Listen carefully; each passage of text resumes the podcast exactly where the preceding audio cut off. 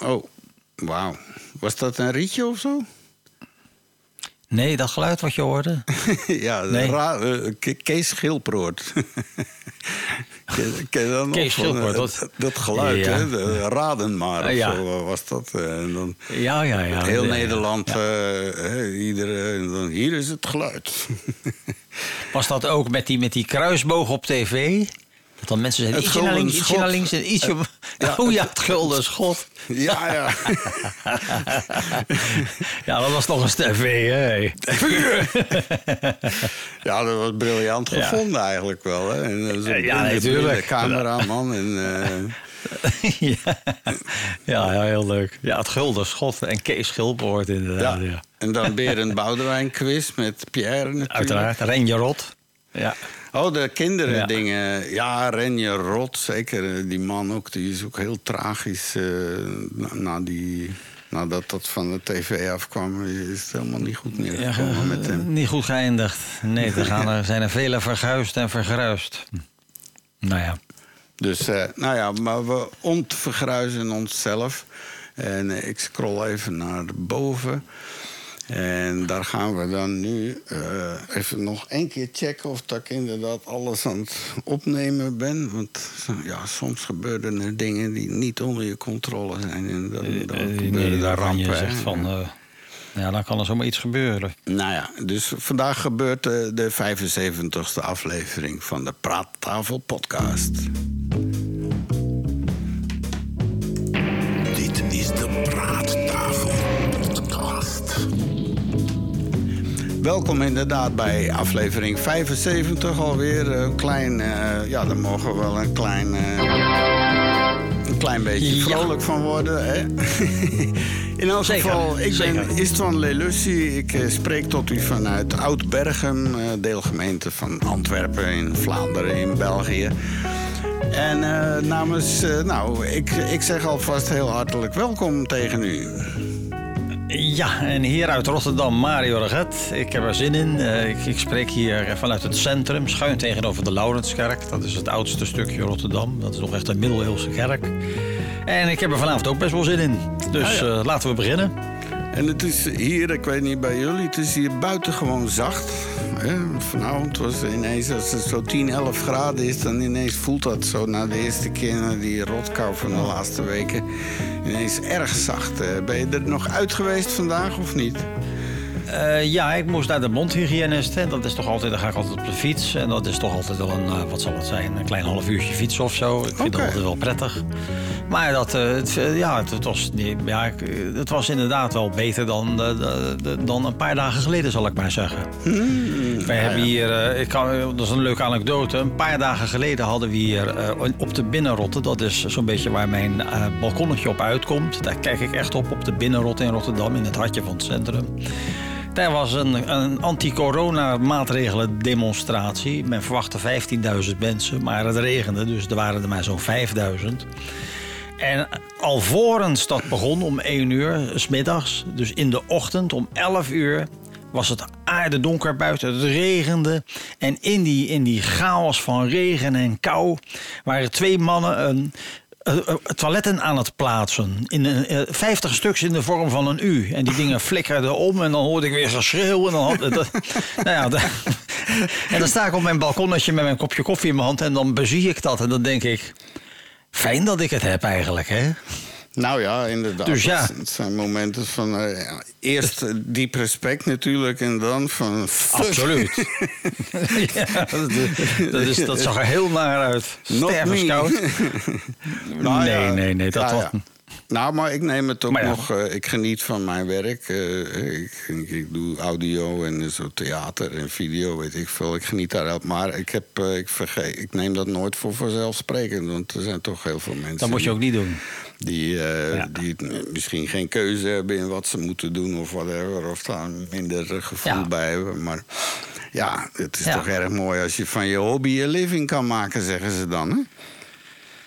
Ja, nee, ja, kijk, dat was bij mij ook zo. Kijk, ik heb altijd van mijn, van mijn, eh, van mijn hobby mijn werk moeten maken. Maar dat is niet gelukt. Toen ben ik de muziek ingegaan. ah. Ja, ja, flauw, flauw, flauw. Nee, het is, het is leuk. Het is leuk om eh, inderdaad om, om- Ik vond het altijd een fijne manier om, eh, om mijn boterham te verdienen met muziek maken. Dat is absoluut zo. En ik denk ook heel vaak van, goh, ik heb het best wel goed getroffen. Ik heb, eh, ik heb een heerlijk oude dag nu. En eh, ja, eh, en als ik naar collega's kijk, zeker nu met... eh, de, de, velen hebben het niet zo makkelijk, eh, zeker vanwege het feit... dat nu een hele hoop mensen die vroeger in loondienst waren... ineens kleine zelfstandigen zijn. Ja, Met name de, de, mijn collega's die op muziekscholen werken en zo. Dat is natuurlijk afschuwelijk. Ja, ja, dus je, ja. je bent normaal heb je, heb je zeg maar, je verdient iets. En je werkgever draagt eh, alle sociale last af. En van de ene dag op de andere ben je ineens eh, zelfstandige en verdien je hetzelfde. Maar moet je ook nog eens alles afdragen. Ja, ja, maar dat is eh, echt een Nederlands iets met al die, eh, die ZZP'ers, zeg maar. Dat is ja, dat is heel naar. nog, Dat is- eh, ja. Hier, hier had je nu dus een, een minister, eh, of nee, dat is de voorzitter van de Waalse Socialisten. Hè, dus echt de rooie. Hè? Dat, dat, daar verbleken de PvdA en de oude CP, die was nog. Hè? Maar die liet dus ineens weten, gewoon zomaar out of the blue. Ja, België moet maar geen e-commerce land worden. Weet je wel, laat dat maar aan die anderen. Want dat nachtwerk is voor die arbeiders slecht. En ze worden daar niet goed van. En het is niet goed voor hun gezondheid. En ineens Ja. hier eh, heel de boel overhoop van ja, dan eh, al die Hollanders en Duitsers en zo, die gaan hier dan dag en nacht rondrijden met busjes en zo. Want eh, hij wil weer de gezellige stad terug. Zo. De, de, ja, kom aan. Man. Ja. Ja, dat, dat, dat gaat zijn dus- maar dat is typisch dat ouderwetse socialisme. Dat, dat leeft daar nog heel sterk in de Walen. Die, die stemmen ook hartstikke rood altijd. Dus, Ja. eh, maar dat zijn echt nog van die virulente, eh, echt socialistische socialisten. Ja, dat is, dat is van vroeger. De- de- ik, eh, het, die, die standaard ideeën over socialisme, en dat, dat is allemaal een beetje aan het vervagen. Ook rechts en links is aan het vervagen. Want je hebt dus nu ook in Nederland partijen die, die zowel rechts als links zijn. Dus rechtse en linkse sympathieën hebben. Ja, ja. Dus die, vroeger was het veel meer afgegrensd en, en verzeild. En nu is het een diffuus gebeuren aan het worden. Dus dat maakt het Nou wel lastig. nou ja, Rutte zei toch al, hij zou het verwelkomen als er 150 partijen in de Kamer. Ja, lekker je handig krijgt van die one-issue partijen, zo gezegd, die dierenpartij en eh, de oudere partij. Ja. En, eh, Ja, eh, maar, dat zijn zo single-issue dingen. En- Ja, maar ja, dat, is- ja, dat, dat, dat is ook... Dat, vers- versplintering nou, ja... Nou, het, het, het- de, slag, de slagvaardigheid verdwijnt. Want als je dus nu iets door de Kamer wil krijgen... dan moet je dealen met al die partijen. ja, ja, inderdaad. Eh, en en dat, dat verlamt dus. En eh, dat betekent ook dat, dat er heel vaak eh, gevochten wordt in de Mhm. Kamer... omdat iedereen een stukje binnen wil halen. Ik vind zelf dat ze eigenlijk de kiesdrempel veel hoger moeten maken... waardoor het moeilijker wordt om, om een, een partijtje op te richten. En ik vind dat... eh, dat ze af moeten van die regeling dat als iemand uit een partij stapt... dat hij gewoon in de Kamer kan blijven zitten. Dat kan in Nederland. hey, staat eh, jouw VPN uit of zo? Mm, ja, ik kan even kijken. Wacht even. Dat zou het ook nog kunnen zijn natuurlijk. Wacht even, ik doe nu dit. Even kijken. Nou, ik ben benieuwd of het. Ja. Oh, die was ik vergeten. Misschien dat. Als het nu beter is, dan weet ik dat dat het was. Ik, ik dacht dat ik hem uit had gezet, maar hij was nog aan. Oké, we zullen het ervaren. Nou ja. maar, het, maar het gaat nog. eh, maar sorry, ik onderbrak je alweer. Ja. Ja, Nee, maar inderdaad, dus eh, het feit dat, dat, dat iemand uit een, eh, in de Kamer zit als, als volksvertegenwoordiger en hij wordt de partij uitgeflikkerd of hij stapt zelf op, kan dan in de Kamer blijven zitten. En zijn, wat is het, 150.000 euro per jaar netto pakken. En dan de, de, de groep Pietje Puk, zich, dan kan hij noemen wat hij wilt. En, en hij hoeft er niet eens altijd te zijn. nee. Eh, daar moeten we eigenlijk ook vanaf. Ik weet niet hoe dat in België werkt, maar in Nederland... Nou, hier, ik vind dat, eh, we een soortgelijk geval met een eh, ene dame, mevrouw Kawakibi. Dat is een eh, ja, van Marokkaanse afkomst, denk ik dan maar. Maar in elk Mhm. geval, die eh, had een eh, VZ2 opgericht voor eh, jongeren in eh, achterstandswijken. En, eh, en die konden daar eh, met dans en met kunst en met dit en zo. Nou, dat blijkt dus dat dat een, een totale puinhoop was eh, met eh, facturen en dingen. Er is geld verdwenen en daar was een hele ophef over. En toen is ze natuurlijk ziek gevallen, maar ze zat in het parlement. En dan blijkt dus inderdaad dat ze gewoon haar volle salaris, eh, wat bijna zo'n 5.500 euro per maand. En bovenop nog eens de verplichte onkostenvergoeding die, die ze krijgt voor uh, vervoer en weet ik veel wat. En dat was Ja. nog eens iets van 3000. Nou, dat hebben ze toen in het parlement eh, wel snel een eind aan gemaakt. Van, Ja. eh, dat gaat, maar ja, dat, het volk stond hier op zijn achterbenen natuurlijk. Dat was, Ja, nou ja, wel, heel- wel heel herkenbaar. Want dat hebben wij ook gehad jaren geleden met Filomena Bijlhout. Oh, Die kwam in oh, de die- Kamer. Kan je die nog herinneren? Dat Nee, was een, nee, Surinaamse ik- mevrouw. Ik weet van En, en die bleek dus inderdaad, die bleek inderdaad ineens, eh, zeg maar, die, die kwam, er dook een foto op waar ze in jungle kostuum in het, in het, eh, eh, in het jungle commando van Ronnie Brunswijk liep. Dus ze was gewoon, dat, Ah, dat kan natuurlijk helemaal niet. En dus die is één dag Kamerlid geweest en Ah, ja, moest ermee stoppen. En heeft vervolgens het wachtgeld gekregen jarenlang. Want eh, men gaat ervan uit als volksvertegenwoordiger moet je kunnen zeggen wat je wilt. En eh, je, eh, dus krijg je, als, als je moet stoppen door omstandigheden of wat dan ook, krijg je een paar jaar wachtgeld om de periode te overbruggen om weer aan ergens anders aan het werk, te kunnen gaan. En dat heeft ze jaren gekregen na één dag, na één dag Kamerlid te zijn geweest. Ja, Dus ja, dat is 70% van eh 150.000 euro of zo. maar goed, ja, dat, Nou dat ja, zijn ja, dingen die, dat, zijn, van eh, excessen. situaties en dan de regels. En dan de regels die, ja, die moeten dan toch toegepast worden. Maar ja, het zijn nieuwe situaties en zo. Want, eh, wanneer gebeurt Ja. zoiets nou? Ja. Ja, daar Dat hebben ze waar. niet over nagedacht. Hè? Nee, helemaal niet. Je Helemaal kan niet. nooit genoeg nadenken. Hé hey Mario, eh, we gaan er een hele lijst waar we het niet over gaan hebben. Nog eens over die voice. Want Oh ja. Het wordt steeds gekker, hè? Nu met. Eh dat is nu al een paar weken aan de gang in Nederland. De oproer over de voice, hè, met eh, Ali B. En, eh, Ja, maar dat en nu vandaag blijft- weer eh, Ajax, hè, of gisteren, heb je dat nog meegekregen? Ja, meneer Overmars. Ik denk zelf, het is, Dickpics en Ja. zo. Hè? Dus, eh, dus van ja, dat is een gigantisch iets. Oh, die plassen? denk heb je zelf- die gezien? Gigantisch iets? Nee. Nee, nee.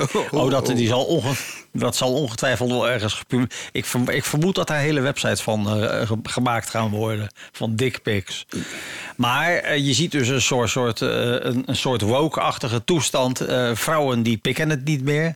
Ik denk dat er heel veel mannen nu nerveus worden. Het zou me ook niets verbazen als het deze periode een hele hoop directiesecretaressen ineens bossen bloemen krijgen. En een, misschien wel een loonsverhoging hier en daar. Ja. Nou, ik hoorde dus een interview waarin eh, iemand, werd gevraagd, een psycholoog, van oh, maar wat raar dat eh, het is nu al even zo met Harvey Weinstein en eh, dat soort dingen en die Nazar, dat het Ja. allemaal of die Lazar in Amerika, die, die, die dokter die al die, Ja. die, die meisjes, die turnstertjes had, wat ik voor rare dingen meegedaan. Enfin, In en je zou toch ook, zeggen ja. van dat daar eh, gewoon een signaal van uitgaat dat mensen wakker worden en ermee stoppen. En hij zegt, nou, dat is niet waar, want die mensen die dat doen, die zitten in een soort high eh, van, oké, ja, dat overkomt mij niet, weet je wel, dat is ver, ver van Nee. mijn bed af. Dat is net zoals je leest Ja. over een auto-ongeluk of een vliegtuigongeluk, ja. Dus die zien Ja. dat gewoon niet dat dat eh, op, op zichzelf slaat. Hè? Dat is gewoon ja, de sukkel die gepakt Nee. wordt. Ja. Nou ja, dat was, dat was vandaag ook op het journaal. Eh, er is, in Nederland is het zo, je zag ook een, een interview met een, met een dame die daar nogal gefrustreerd over was. Is dat, dat een hele hoop vrouwen die bij, bij, eh, eh, bij grote organisaties werken, met mensen met macht, dat die vaak een, een, een clausule moeten ondertekenen dat, dat, ze, dat ze afstand doen van, van, van hun rechten in de zin van zulke dingen gewoon. En dat, dat kan natuurlijk niet. Eh, dus, dus het ging er al in dat itemtje over dat, dat mensen die een geheimhoudingsclausule hebben getekend, dat dat opengebroken moet worden en dat Ja, dat ja. niet gaat gelden voor, voor seksgerelateerde eh, machtsspelletjes van over het algemeen mannen naar, naar ondergeschikte vrouwen. Nee, dus nee, dat, dat die, die clausule er dan uitgaat. En als dat gebeurt. Als dat doorgaat, ik denk het niet hoor, maar als dat door zou gaan, dan gaat de beer- beerput helemaal open. Want ja, dat- ik denk dat er nu al heel veel mannen zijn die, die met zweet in de nek aan het denken zijn aan, aan de keren dat hij ergens in, in, in een of andere vrouwenbil geknepen heeft of zo. Ja, nou ja. Ja. daarom. Eh, ik denk dat nu de signalen worden steeds eh, luider. En nou opeens, ja, de Ja, ene poort zet de andere open. En dan krijg je al, Ja. eh, er zijn nu al, ik weet niet, tientallen meldingen binnengekomen bij de politie. Het is een bijltjesdag. Ja, en ik vind het alleen, ik vind het alleen maar prima eigenlijk dat, er, dat, dat de, de woke-toestand. Ik vind het eigenlijk best wel prima dat dit nu zo gebeurt. Ik hoop, er z- zullen hier en daar wel wat onterechte dingen gebeuren. eh, maar grosso modo is het natuurlijk wel een goede ontwikkeling, denk ik. Ja, ja. En waar ik het ook zeker niet over wil hebben is eh, Oekraïne en Poetin en weet ik veel wat. En die twee, Ja.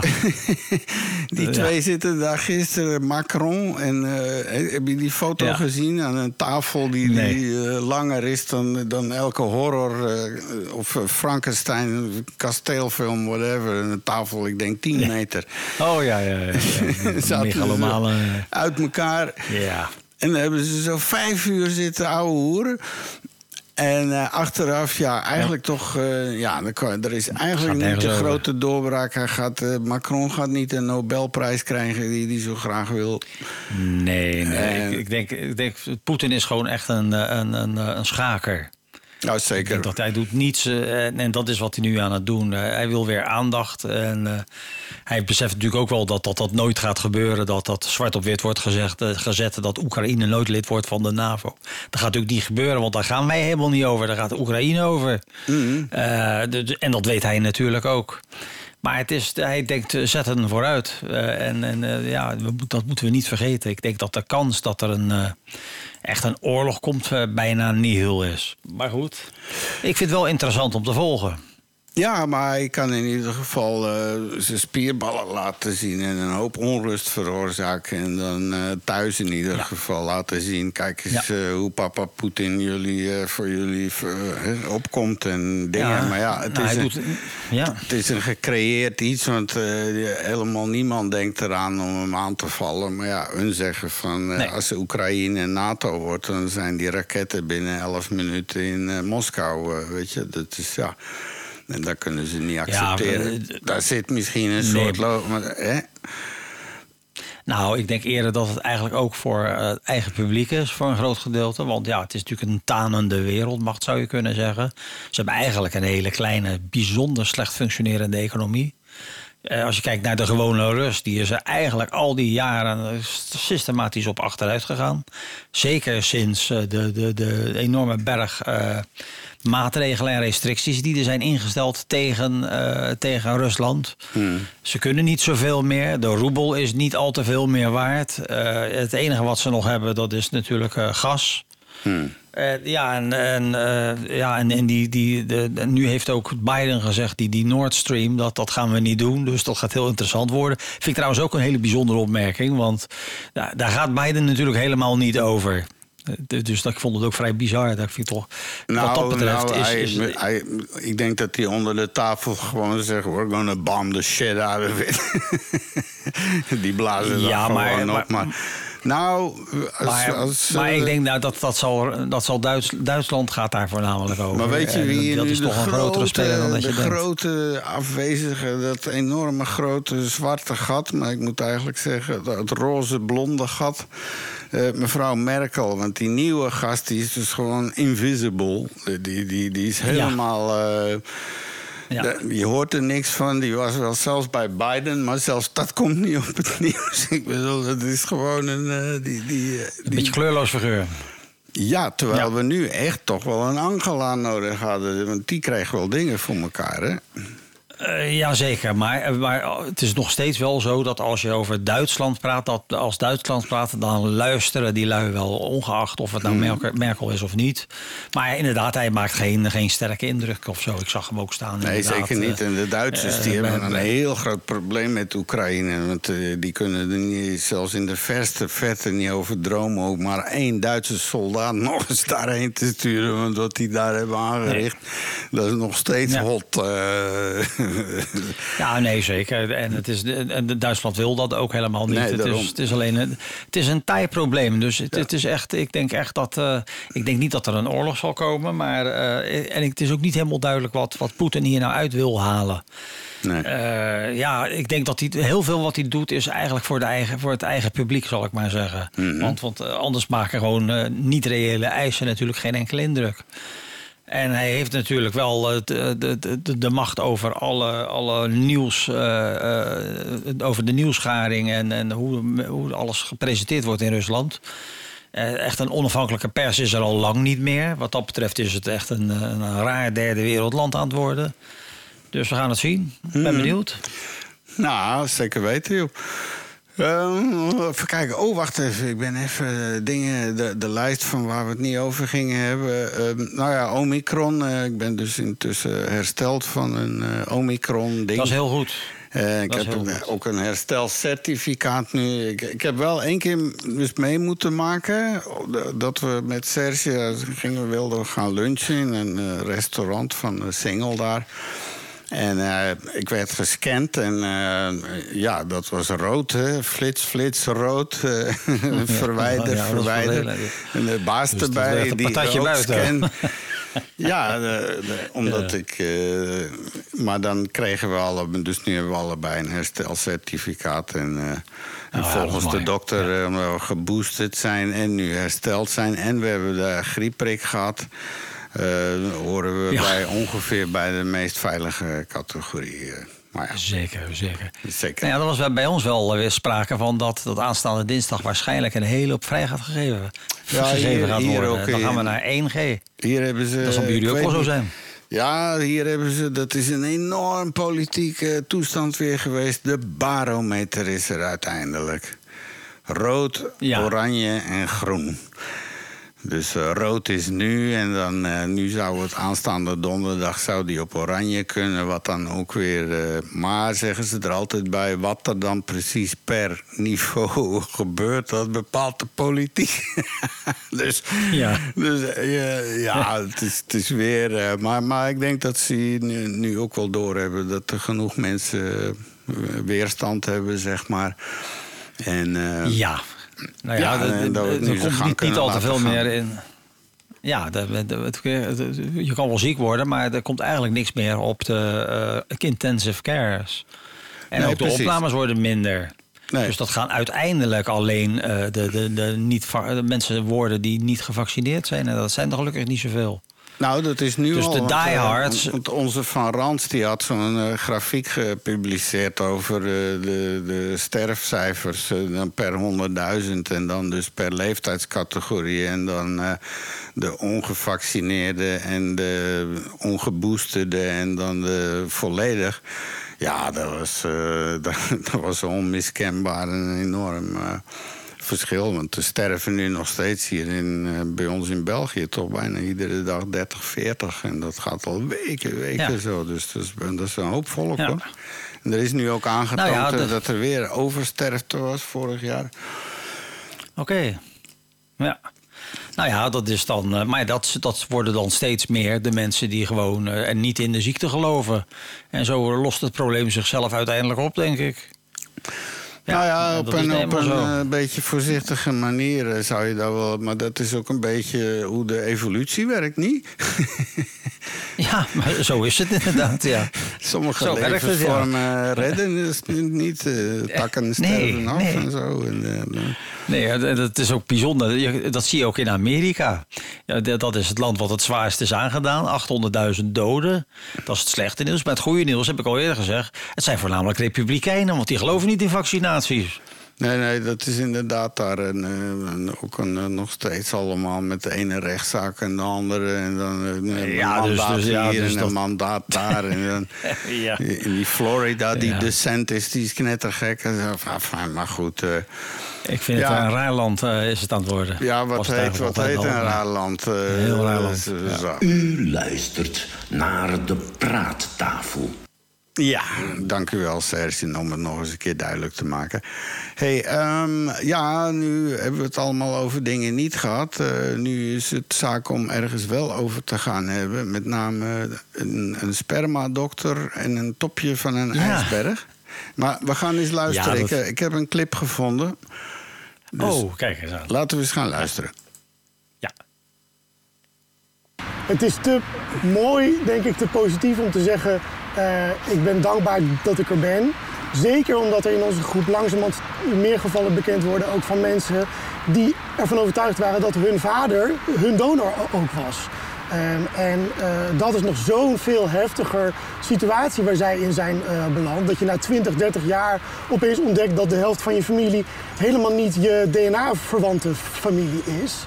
Dat is natuurlijk een heel ander verhaal. En toen de eerste gevallen daarvan bekend werden, waren we daar ook totaal van in shock. En heeft dat dan jouw blik zeg maar, op hem ook veranderd? Ja, zeker wel. Ja, ik kan dat gewoon niet rijmen. En wij allemaal niet. Niemand begrijpt eigenlijk waarom dat gebeurd is. Eh, en we, we leven allemaal enorm mee met de mensen binnen onze groep eh, die dat nu aan het meemaken zijn. En die het bijvoorbeeld dus te pijnlijk vinden om hier nu voor de camera te zitten. Wat ik super goed begrijp. Eh, maar wel elke dag hiermee ge- geconfronteerd zijn. Ik, ik ben in die zin blij dat, dat we de incidentfase misschien een beetje hebben gehad. En dat mensen nu langzamerhand ook naar, gaan kijken van... hé, hey, eh, wat wij al een beetje dachten, eh, dit is structureler. En het is bij meer vru- vruchtbaarheidsartsen zo geweest. Eh, en ik denk dat het goed zou zijn om een, ja, een landelijk onderzoek in te stellen. En meer middelen voor beschikbaar te hebben om meer archieven uit te kunnen pluizen. En om, om uit te vinden, want dat is zo belangrijk. Hoe groot zijn die groepen? Wie horen daar allemaal bij? Eh, zodat je kennis hebt van, hé, hey, ik heb blijkbaar heel veel halfbroers en zussen. Oh my god. Ehm, zolang je dat niet weet, bestaat de kans dat je ooit een relatie krijgt met Ja, een ja. half, halfbroer of zus. Eh, Om maar een voorbeeld te noemen. Ja, dat willen we natuurlijk Ja. eh, met z'n allen niet.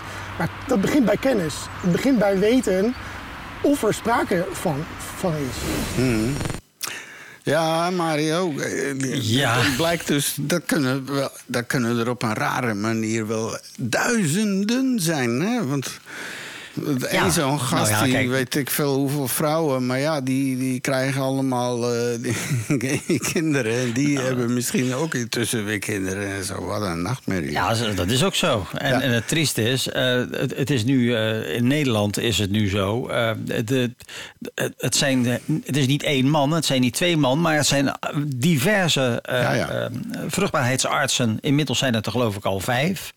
Dus eh, gisteren werd bekendgemaakt dat Jos Beek er, er, er eentje is. Dat is weer de laatste. Die heeft ten, ten minste 21 kinderen met zijn eigen zaad verwerkt. Dat is ook een gynaecoloog die, eh, die, die, die zijn eigen sperma heeft gebruikt. Ja. En het ziet er naar uit. Het is begonnen natuurlijk met die Jan Karbaat. Die heeft, eh, nu, is nu vastgesteld dat die heeft minstens 80 kinderen. Het lijkt wel alsof het planmatig is. Planmatig is. Wie weet wat ze hier wel niet mee willen. Waarom doe je zoiets? Ja, nou ja, ik denk de- zelf. Je hebt, nou ja, je hebt zelf natuurlijk de, de oerdrijf in de natuur om je eigen genen voor te door te geven. Dat, dat is de enige drijf eh, die de, die de biologie kent. Dat is de meest essentie, eh, is essentiële drijf. Misschien dat het zoiets is, of er zit, eh, of iets heel anders aan vast. Maar dat kan ik even niet vinden. Ik begrijp eigenlijk niet waarom mensen dat doen. We hebben het net gehad over de spermadonor. Hè? Want we, Ja. hadden, we hadden dan net de video gezien. En dan moest ik nog even bij vertellen dat het een eh, Jelmer was. En die was dus inderdaad een eh telg van... Donorkind eh, van Jan Wildschut is dat. Ja, precies. Ja. En ja, ja die, die is er helemaal mee bezig. En wat, wat, wat je nu dus wel gaat krijgen is... eh, met die eh, DNA-banken kunnen ze kruisdingen doen. Dus mm, je kan dus je DNA opsturen naar eh 23andMe en zo. Er zijn intussen heel wat... My Heritage, ja. Ja, Ja. Shea heeft dat ook gedaan. En eh, ik ga dat denk ik nu dit jaar ook eens doen. Gewoon benieuwd. Ja, Hongarije en weet ik veel wat allemaal. Eh, dus ik, ik vind Misschien het wat Oostenrijks bloed dan, wil zeggen. Dat weten we nooit, hè? Mama's baby, daddy maybe, hè? Ja, oké, zo is het. Ja. Hè? Dus, ja. eh, maar aan de andere kant is het toch... Want bij Shea was het toch ook zelfs een paar procent Japans en zo... en dit en dat. Dus, eh, maar eh, wat, er, wat er nu dus gebeurt, is als je dat nu doet... dan eh, klik je aan een, eh, zo'n eh, gebruikersovereenkomst... maar daar staat dus wel in dat eh, politiediensten, de FBI'ers en zo, die mogen dat profiel gebruiken om dus op die manier neven en nichten en familie, want eh, door dat een soort piramide Ja. te maken, kunnen ze gewoon, en daar zijn ze nu allerlei daders aan het vinden van hele oude moorden Zeker. en weet ik veel. Dat, eh, Al- Als je oom een moordenaar is, dan kunnen ze dat via jouw DNA vinden. nou, bijvoorbeeld, Ja, eh, maar, maar dan ook Ja, veel, nee, verder via neven en nichten. En vaak eh, kunnen ze dan een, een, een, een, neef of een nicht of iemand vinden. En eh, dan Ja, zeggen ze, tuurlijk. zegt dit u iets? En dan zegt hij, ja, dat is de Karel, eh, of weet ik veel. Dus in ieder geval komen Nou, dat ze... is in Nederland ook al een tijdje geleden gebeurd. Met, met, met die bevolkingsgrootstalige... bevo- Dan vinden ze de moordenaar niet. En dan wordt een heel dorp wordt gescand op DNA. Mhm. En, dan, eh, en, als het dus, en als het dan voor overeenkomt met, met een familielid van iemand in dat dorp... dan weet je al dat, dat je het in zijn familie moet vinden, zoeken. en dan ja. blijkt het inderdaad een neef te zijn of zo. En dat is al een paar maal gebeurd. Dus tuurlijk, dus het heeft ook een risico meedoen aan je, je MyHeritage en dat soort organisaties. Op het moment dat je je DNA beschikbaar stelt, ligt het ook wel gelijk op straat. Dus dat, dat is wel iets wat je in je achterhoofd moet houden. Ja, ja. Maar ja, heel veel mensen, de overwegende, blijkt dus, die me- mensen stemmen daarin toe. Want eh, ja, ik heb niks te vrezen, maar eh, op die manier... eh, Ja. maar- alright. Dus ja, het blijkt toch dat het... En dat gaat dan via een, al die sites, eh, MyHeritage en 23andMe... die linken dan aan een, een, site die dus met eh, die dingen beschikbaar maakt... aan de diverse FBI's en zo en dit allemaal. Ja, om eh, de oude onopgeloste zaken allemaal te... Ja, dat is griezelig, want als je bijvoorbeeld kijkt naar de, de Israëlische geheime dienst, die heeft gewoon gedeeld, aan, eh, gedeeld met, met bedrijven die daar interesse in hadden. En zo zijn er best wel veel eh, dingen gewoon eh, terechtgekomen in het bedrijfsleven. Als je praat over eh, spionagediensten en de, de, de, wapenindustrie en zo. Dus, dus je- moet wel nadenken als je zoiets doet, dan, dan geef je wel een behoorlijk stuk privacy op, laat ik het zo zeggen. En, en je weet toch, is daar geen spreekwoord voor? Als je een ratelstang knuffelt, dan zal je erdoor gebeten. Als je een ratelslang knuffelt, zal je erdoor gebeten worden of zo. Hè? Want wat blijkt nu? Hmm. Dat- dat moet een Belgisch spreekwoord zijn. Nee, dat de Israëli's zelf door NSO besmet zijn... en dat die allemaal, die politici en journalisten... allemaal Pegasus op hun telefoon hebben... terwijl ze Ja, dat- 100 miljoen Ja. keer beweerden... nooit in Israël en nooit Nee. dit. En eh, gewoon Nee, overal. alle foute, foute organisaties, Iran, eh, noem ze maar op, die, hebben, al- die gebruiken allemaal die, die, eh, de Pegasus. Ja, precies. Dus- eh, dus die- die- alleen terwijl de afspraak was inderdaad- op ja, alleen maar om Ja. bad guys. Hè. Het mocht alleen maar Ja. voor bad guys gebruikt worden. Ja, ja. Dus, dus, dat, eh, kijk, dus dan weet je ook gelijk hoe, hoe, hoe, hoe de, de, is. Nou ja. Dus denk, denk na voordat je begint, zou ik maar zeggen. Precies. Eh, en, eh, en, en zeker nu met die spermadoktoren in Nederland... eh, lijkt het me toch wel zinnig om inderdaad zo'n test te doen. misschien, misschien hè, vandaar dat jij nu ineens zo met biologie... Je weet nooit, hè? Wie zal het zeggen? nou ja, je hebt ook in het Nederlands een programma, dat heet DNA Onbekend. Dat is iedere Ja. week, dat is zo'n wekelijks iets. En dan gaan mensen kijken of ze inderdaad wel het kind van iemand zijn. Ja, dat was En vaak is dat natuurlijk ook gewoon niet. En ja, dat is een beetje ranzige tv, maar ja, het kan tegenwoordig. Nee, precies. En eh, in de States was er ook zo'n een tijd lang een show, heeft het niet lang volgehouden, waarin dan iemand eh, live op tv eh, en dan de zogenaamde papa en mama, zeker, maar en dan live op tv werd er dan onthuld van is het eh, niet of niet en zo. Maar ja, dat heeft niet lang geduurd. Ja, nou ja, bij ons bestaat het al een tijdje. Maar inderdaad, ja, dat, dat, dat is, dat, dan scheur je ook dingen open. En eh, ja. Is lastig. Ik ben, eh, ik ben er nooit zo voor, voor dat soort programma's. Maar goed. Zeker weten. hey, ehm, laten we eens even iets leuks gaan doen. Hè? Want wat wij doen is allemaal Ja. serieuze dingen. Heel serieus. Nou, heel serieus. Eh, we hebben onze Chris, de paria, is eh, bezig geweest. En die heeft een, een dingen gemaakt. Een prachtig eh, ja, een hoorspel. Maar met name over hoe hij omgaat met zijn angsten. En Hij heeft er misschien wel, nou, toch wel een paar. Ik zou zeggen, we gaan luisteren naar eh Pariafobia, aflevering 1. Oké. En toen... ja, dat had ik even moeten testen natuurlijk. Dus even kijken hoor. Ah, I know. I know. Wacht even. Nu moet ik waarschijnlijk even dit doen.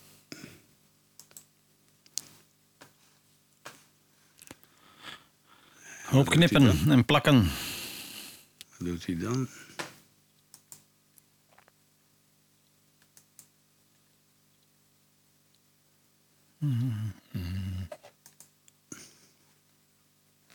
Hé, hey, wat raar. Ah, oké. Wat kan ik dan mee? Nee, ik moet het toch even zo doen. Het gaat niet zonder slag of stoot vandaag. Nee, maar ik heb ook de boel hier uit elkaar moeten halen voor een locatieklus en zo. Dat moet ik ook niet meer doen. Eh, configuration. Dat moet deze worden. Even kijken hoor.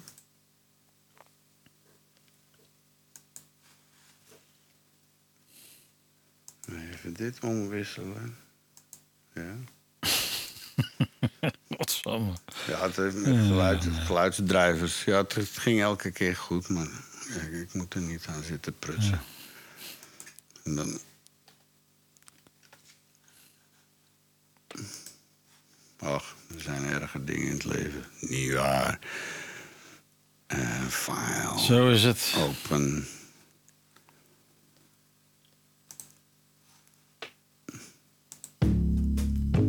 Hè, nou, oké.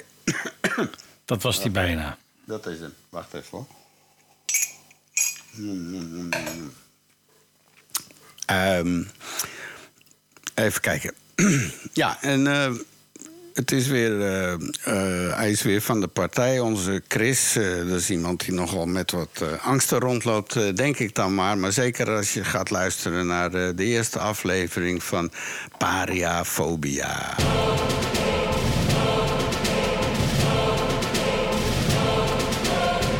De paria is zo wat angstig van bijna alles. Een omnifoob dus. En in de hoop een paar van zijn fobieën te verwerken of te overwinnen, maakt hij dit gesproken dagboek. Pariafobia.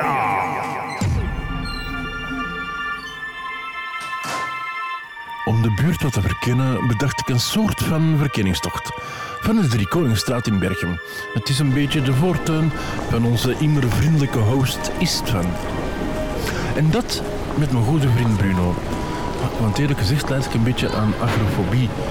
De angst om een veilige bekende omgeving te verlaten. En in deze aflevering pikken we in op bijna het einde van die avond. Die meer en meer op een, ja, begon te lijken. We zitten op het moment waar we blijkbaar iets te dronken uit de bond hebben gemaakt in een van de gezellige cafés die de Koningsstraat bevat. Ja, blijkbaar heb ik geen last van methylfobia, de, angst om controle te verliezen door alcohol, of gewoon dronken worden dus.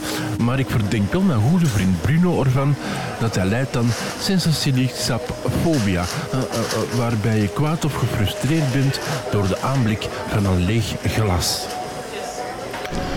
Het is al goed, dat je niet ver moet gaan. Hé meneer, zegde een van de agenten met een ergelijke toon. "Eh, Nee, zegde Bruno opgewekt. Het is gewoon aan de overkant. Hoe handig is dat? "Eh, Zie je wel, paria? Eh, Dan gaan we het politiekantoor toch nog bezoeken vandaag. Mijn agrifobie of de angst voor het oversteken van een straat viel in dit gezelschap wel best mee. Slaap hier je roest maar uit, riep de agent, die ons hardhandiger dan je zou verwachten in een isoleercel stak met een glazen kogelvrije deur die uitzicht gaf op het onthaal. Eh, Zo kan je morgen nuchter je uitleg komen doen bij de commissaris. Eh, En voordat Bruno iets kon zeggen, werd de deur achter ons dichtgeslagen. Ze bleek ook geluidzicht te zijn, want niemand van de agenten hoorde nog de volgende woorden van Bruno. Nuchter? Hoe bedoel je nuchter? Ik heb vooral cola gedronken. Ja, Bruno. Ik denk niet dat we hier zitten voor de cola. Volgens mij is het de rum die we erbij dronken. Eh, Denk je? Vroeg Bruno terwijl hij me aankeek als een zwangere koe die voor de eerste keer een UFO heeft zien landen, waarvan de inzittenden haar hadden benaderd met de woorden: Bring us to your leader. Een ongemakkelijk gevoel kwam in me op. Waarschijnlijk was het mijn claustrofobie, een van de bekendste fobieën die er zijn. Het opgesloten zitten in een kleine ruimte. En die wisselde af met mijn atomisofobie, de angst om me vies te maken. En acrofobie, de angst om jeukende insecten, want de penetrante geur van urine was moeilijk te negeren in de te kleine cel, waardoor Bruno ook dringend de wc wilde bezoeken. Hm, Er is nergens een belletje om iemand te laten komen, zegde Bruno, terwijl hij de cel afspeurde. Ho- Hoe kunnen we nu iets melden of zo? En zelf had ik wel zin om een goede sigaar te roken. Eh, en namelijk de sigaar die ik een paar cafés geleden gekregen had van de cafébaas. Misschien kunnen we de juffrouw van de receptie een teken geven terwijl we op de glazen deur tikken, stelde Bruno voor. Hm, Ah wel, Bruno. Ik vind dat geen slecht idee. En nog geen seconde later stonden we beiden op de deur te tikken om aandacht te trekken van de jonge juffrouw aan de receptie. Zelf beelde ik het roken van een sigaar na met mijn hand in een ronde houding te nemen, alsof ik een sigaar vast heb, die ik in en uit mijn mond neem. Bruno wees ostentatief naar zijn ritsluiting, terwijl hij met een brede glimlach stond te knikken. De jonge juffrouw aan de receptie stond recht en bekeek ons verbaasd met open mond aan. Volgens mij heeft het gezien, Bruno. Bruno was zo blij met het lukken van zijn plan dat hij uit pure blijdschap ja, ja, ja begon te roepen en nog steeds wijzend naar zijn ritsluiting. En toen werd de jonge dame van de receptie om een of andere reden, ons onbekend, redelijk kwaad. Ze nam een matrak van haar bureau en sloeg keihard op de deur van de cel met de woorden Wilt je daar eens mee stoppen? Vuile oude ventjes. Nog één woord en je krijgt mijn matrak van heel dichtbij te zien. De celdeur bleek geluidsdicht langs de kant te zijn, want we hadden duidelijk elk woord verstaan dat er geroepen werd. Ik was zo verschoten van de overdreven onredelijke reactie op ons volgens mij toch eenvoudig verzoek, dat ik snel terug op het bankje in de cel zat door mijn fonofobie of de angst voor luide geluiden. Bruno zat achteraan in een cel in een hoekje op de grond in elkaar gedoken. Er ontstond een plas van geelachtige vloeistof, waarop Bruno op monotone toon begon te herhalen. Het rook hier al zo, het rook hier al zo, het rook echt hier al zo. Waardoor mijn bromidrofobie, angst voor lichaamsgeur, en mijn bacilliafobie, angst voor microben, een beetje bovenkwam. Ze wisselden zich af. Een dik uur later, toen alles weer zo rustig was als het kon zijn in deze situatie, stelde Bruno weer een belangrijke vraag. Hoe moeten we onze wens voor het ontbijt doorgeven? Oh ja, zeg ik. De ontbijt? Weet je, zo'n omeletje met spek en wat brood, hè, daar zou ik al heel blij mee zijn. En wel antwoordde Bruno daarop. Weet je waar dat ik al een hele tijd zin in heb? In uier. Dat is zo lang geleden. Ja, bij mij is dat ook heel lang geleden dat ik nog uier gegeten heb. Maar eh, ga jij het daar vragen? vroeg ik Bruno. Dat is de laatste keer dat ik Bruno nog gezien heb die avond. Waardoor ik wat last kreeg van mijn autofobie, eh, of angst om alleen te zijn. En eerlijk gezegd ook wel een beetje aan mijn agluofobie, eh, angst voor het donker. Maar oké, dit avontuur heb ik overleefd.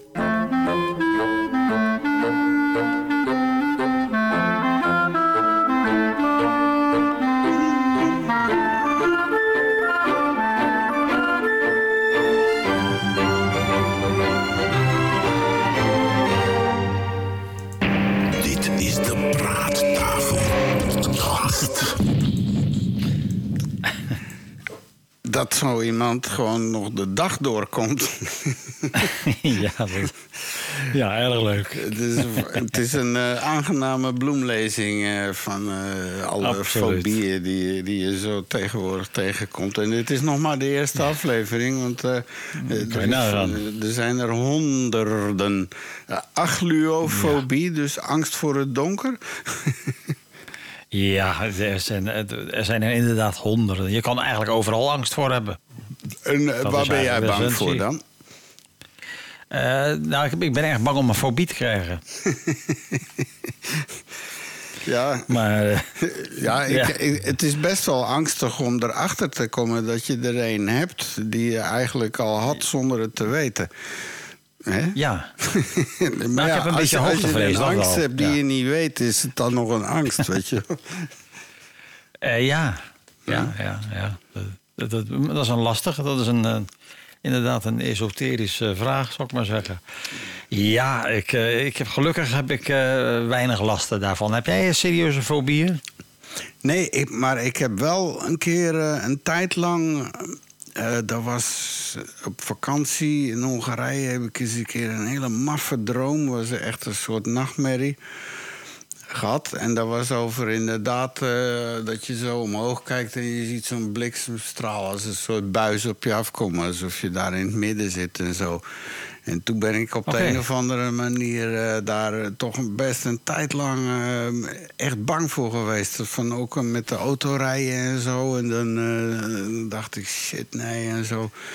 En dat is een paar jaar geweest of zo. Daarna ging het wel weer. Want vroeger was ik met eh, onweer meteen foto's trekken en dit en dat. Maar, maar ik heb toen even een tijd lang gehad van... nee, daar moet ik... eh, Dan, dan moet ik beter even mee wachten. Ja. Wegwezen als, Nou ja. als dat er is. Hè? Eh, angst voor bliksem, dat bliksemfobie. eh dat zal wel. dan- Nou, maar Ja, goed, nee, als je natuurlijk. dat dan, maar dat was tijdelijk, hè? dat kan gebeuren. Ik denk dat iedereen wel op, op de een of andere manier een fobie heeft. Eh, ja. Eh, ik, dat, ik denk dat het ook wel hoort bij ons eh mens zijn. Dat, dat, dat, je, dat er toch dingen dat, inderdaad zijn waar je gewoon bang voor bent. En op zich is angst natuurlijk ook wel een goede eigenschap. Want, want dat, dat behoedt je voor nare dingen over het algemeen. Daarom hebben we angst. Eh, maar ja, de, de- ja, zoals, zoals alles aan ons eh, een evolutionair eh, randje heeft of zo. eh. zo is het. We zijn het product van onze, ja, van onze evolutie. Ja, dan wilde ik graag nog iets laten horen. Want hier in Nederland speelt nu, eh, of hier in Vlaanderen speelt nu. Oh ja, dat was een ander ding. Dat, dat, dat ga ik er nog even bij halen. Dat wilde ik ook laten horen. Dat was. Eens even kijken hoor. Was dat? Ja, ja, ja. Ik denk dat dat die was. Eh, moet ik allemaal misschien eh, van later even kijken hoor. Welke. Ehm onderwerp. Mm, Nee, dan was het misschien deze. Ja, dat wou ik toch even delen met de mensen, maar ik knip dit er wel uit. Want, Er wordt een hoop knippen dit keer. ja, maar ja, dan heb ik nog weer wat te doen. Hè. Even kijken. Ja, ja, ja, ja. Oh, welke was dat nou, joh? Dinsdag. Dinsdagmiddag.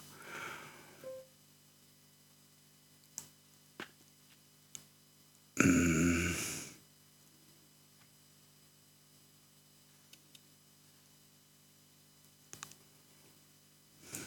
Nou. Ik ga dat vinden. Ik heb hem gezien.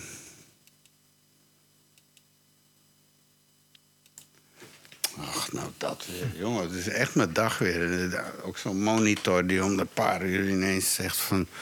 je moet nu iets doen, want anders ga ik uit. Zo die, die, die saving business bullshit. Bla, bla, bla. Even kijken hoor. Ja. Ja, dat eh, jongetje in eh, Marokko, ook weer zoiets. eh, Ach, ja. ja. Ja, dat is triest dat dat zo...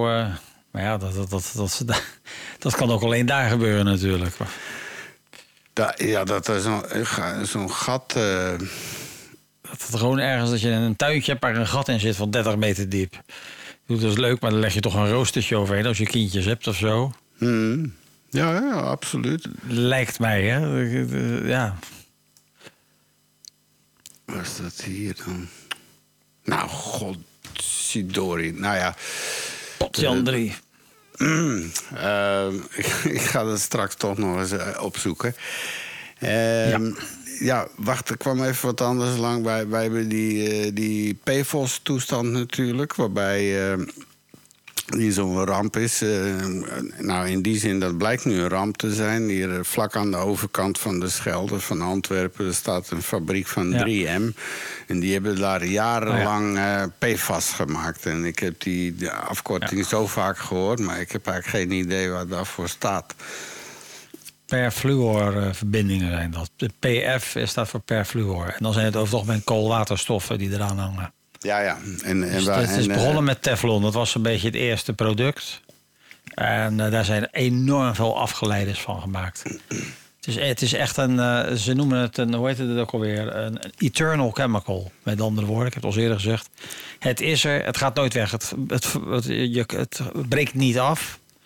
Als, als, als, als, eh, het, het, het, het, is, het blijft gewoon en dat is ook gelijk het nadeel. Het, het is, als het in je lijf komt, gaat het er ook nooit meer uit.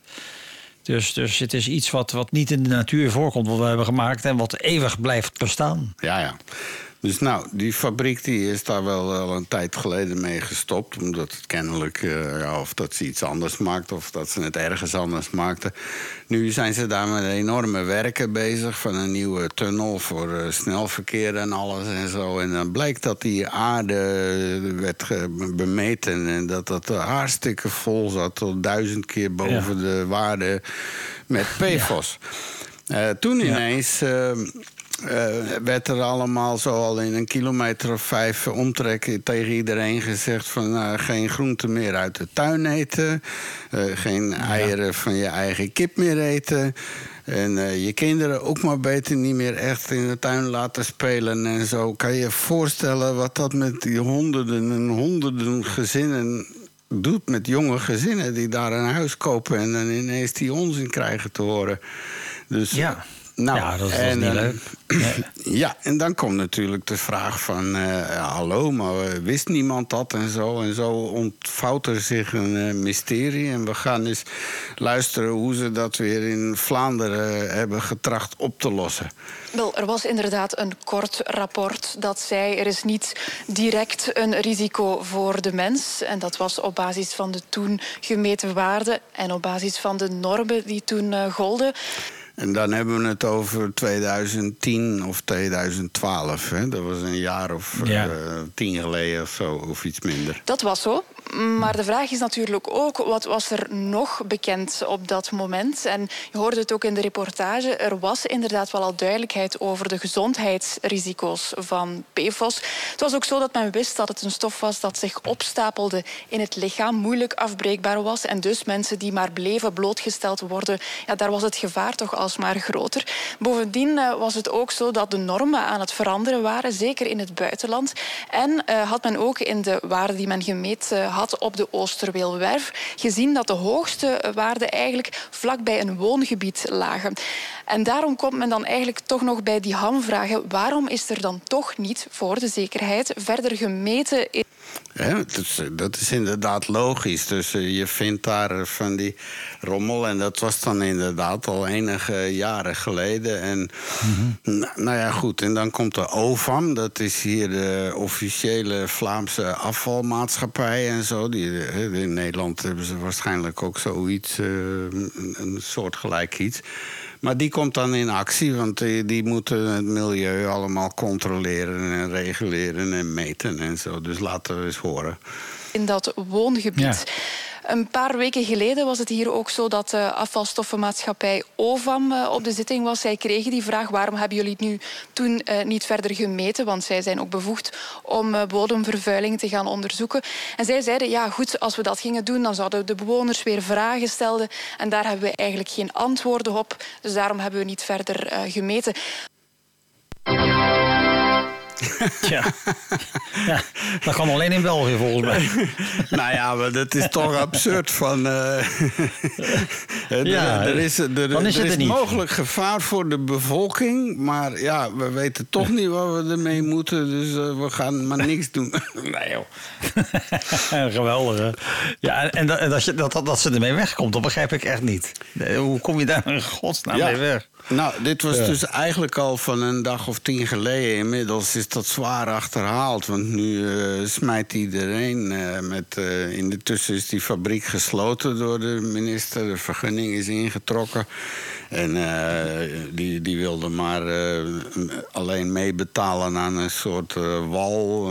want ze zitten nu ineens met gewoon 15 miljoen ton aarde... die, die eigenlijk bedoeld was om Ja. zo die wegen en viaducten... maar, maar dat nee, niks. Het is nu ineens gevaarlijk afval. Ja, ja, ja en dat kan zomaar. Ja, dat is. Nee, ja, en- en die nu we kwam inzichten, ik denk dat.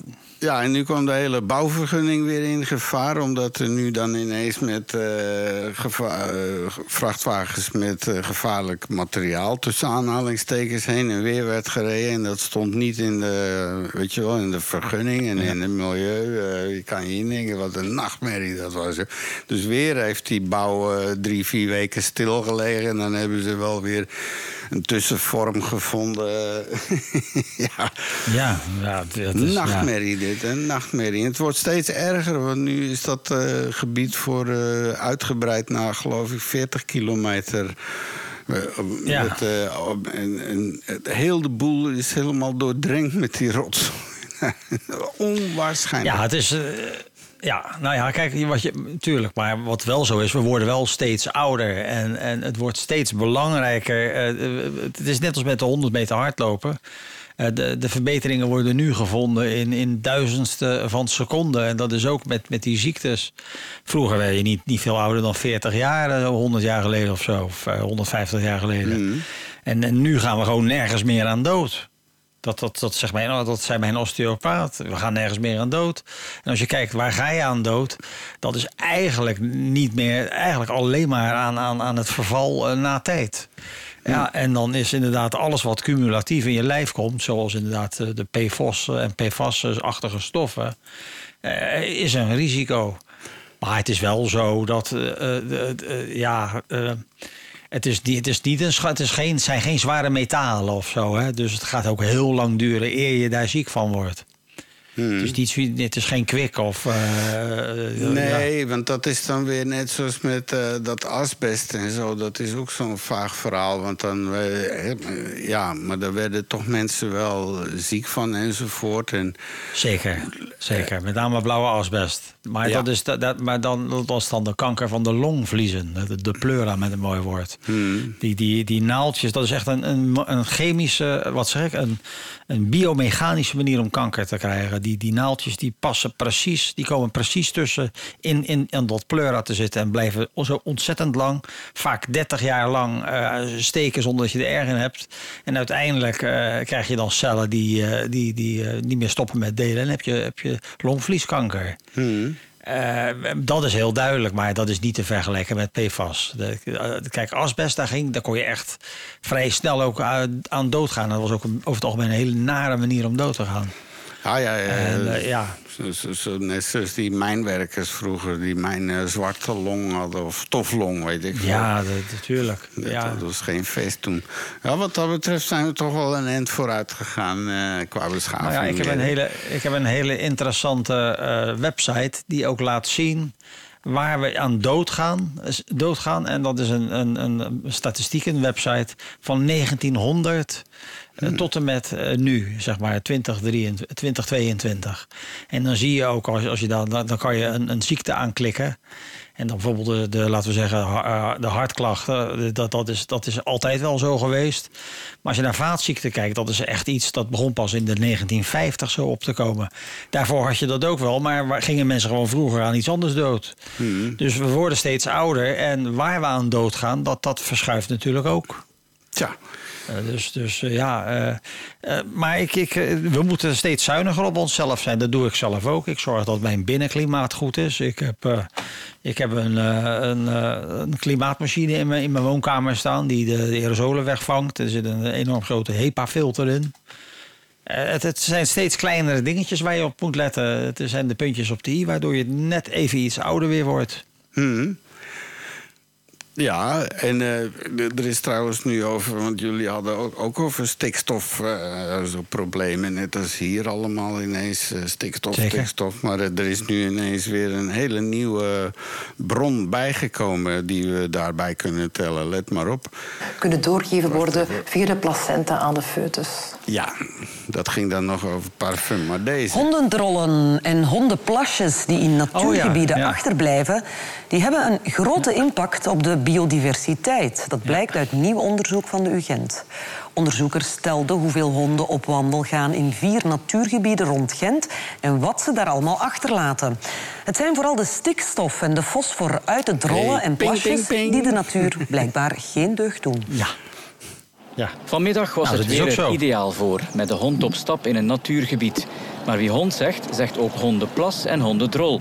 En op jaarbasis brengen die heel wat extra kwalijke stoffen in de bodem, zoals stikstof. En dat bovenop de stikstof die er sowieso al terecht komt. We vinden dus dat er eh, gemiddeld gezien in Vlaanderen 22 kilogram stikstof per hectare per jaar gewoon uit de lucht valt. hè. Dus de bronnen daar zijn vooral de landbouw en het verkeer. En uit het buitenland komt dat ook aanwaaien.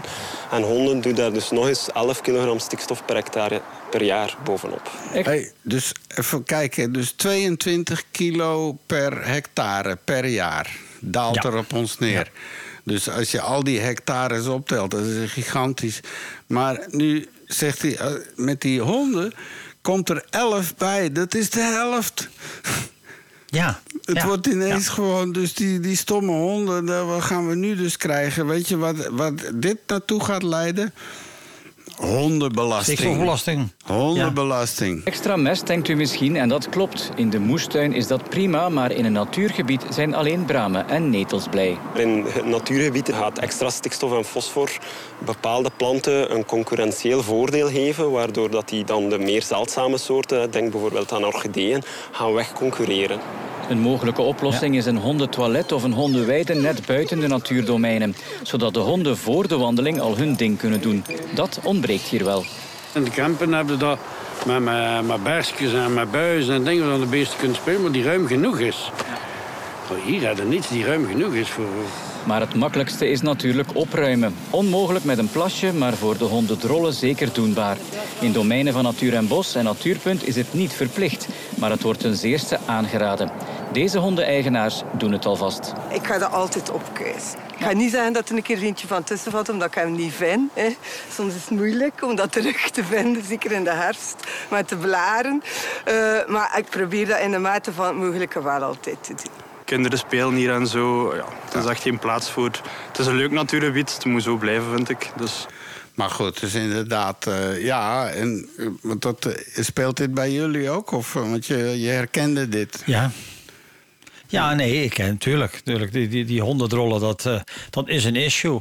Op zich zijn, zijn het natuurlijk eh, stoffen, met name stikstof en zo, waar, waar planten wat mee kunnen.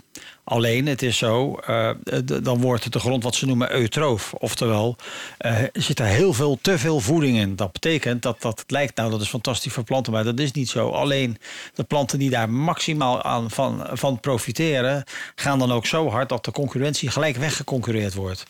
Dus, in, in, eh, dus dan, dan krijg je monoculturen. Dat, dat- dus dan krijg je maar één soort plant wat het dan goed gaat doen in zo'n Mhm. in, in zo'n in zo'n biotoop. Dus voor de biodiversiteit is het niet goed. Je moet eigenlijk een beetje arme grond hebben. eh, wil je veel verschillende soorten eh, planten ergens hebben en dieren. Dus de biodiversiteit is niet gebaat bij heel veel voedingsstoffen. Want wat, het- wat, wat het eigenlijk is, is stikstof. Nee. Dus, en het is inderdaad een probleem. Ja, alles verandert. Maar wat denk je van, van de, de, de, invasieve exoten waar we hebben? Dat, dat is nog een veel groter probleem. Dat is, eh, ooit heeft iemand een, eh, een, eh, een, een, eh, wat keer, eh, was klaar met zijn aquarium en heeft zijn plantjes de sloot ingeflikkerd, want daar was er klaar mee. En, en nu is het zo dat in Nederland ieder jaar in het voorjaar boten op pad gaan om de waternavel, want dat is het plantje waar het om gaat. Die komt oorsp- oorspronkelijk uit China. Om, om die weg te halen, anders nemen ze gewoon de macht over. En dat zie je, of de Japanse duizendknoop heb je misschien wel eens van gehoord. Ja, dat, zijn... dat, is, dat is onverwoestbaar, dat krijg je gewoon niet weg. Nee, nee, nee, precies. En- En, eh, dat zijn inderdaad van die... eh, maar er zijn ook eh, landen waar bijvoorbeeld... eh, was dat Madagaskar of zo, waar slangen dan ineens eh, terechtkwamen die daar nooit waren. En die hebben gewoon alles uitgemoord wat daar eh, rondloopt. En nu zijn er alleen nog maar tienduizenden slangen die elkaar opvreten en zo. En, zo gaat het zijn ze dan een hele campagne van, vanuit de United Nations en zo om, om dat ja, op te lossen. Ja. Nou, dat is van alle tijden. Ik heb, ik heb zelf een kopie gemaakt van een dodo. Nou, dat is, die, die, die kwam van, oorspronkelijk eh, die kwam alleen maar voor op het eiland Mauritius. Eh, Nee, eh, Mauritanië moet ik zeggen. En dat was eigenlijk een eilandje waar, eh, waar het VOC eh, water insloeg en eventjes uitrusten en weer verder voeren. Maar ja, die hadden wel varkens en ratten aan boord. En de dodo was daar, eh, dat, was een, dat is eigenlijk een duifachtige die niet kon vliegen.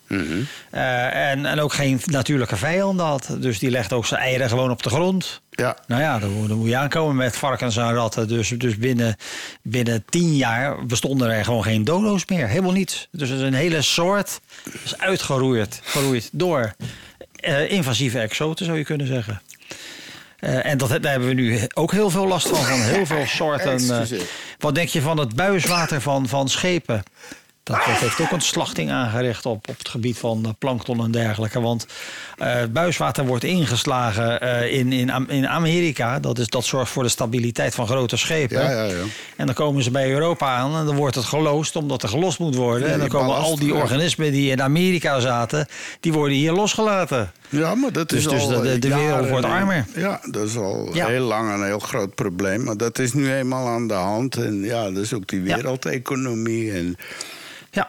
en, eh, Nou, met de bijen gaat het nu heel slecht. Nou, als de bijen er niet meer zijn, en dat zou zomaar binnen 20 jaar kunnen gebeuren, dan moeten we ook afscheid nemen van een hele hoop eh, groentesoorten en, vru- en, eh, en vruchten. nou ja, volgens Dus, Einstein was het toch zelfs het einde van de beschaving. Als de, als de bijen er niet meer zijn. Want dan inderdaad, Ja.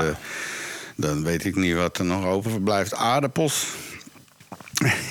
Ja, eh, nou de granen, die doen het natuurlijk alle, alle granen, die worden natuurlijk door de wind bestoven. Dus er zal altijd brood zijn en gelukkig ook bier. Nou, Eh, oké. maar, eh, maar, maar mandarijntjes of zo kan je schutten. ja, dus, dus ja.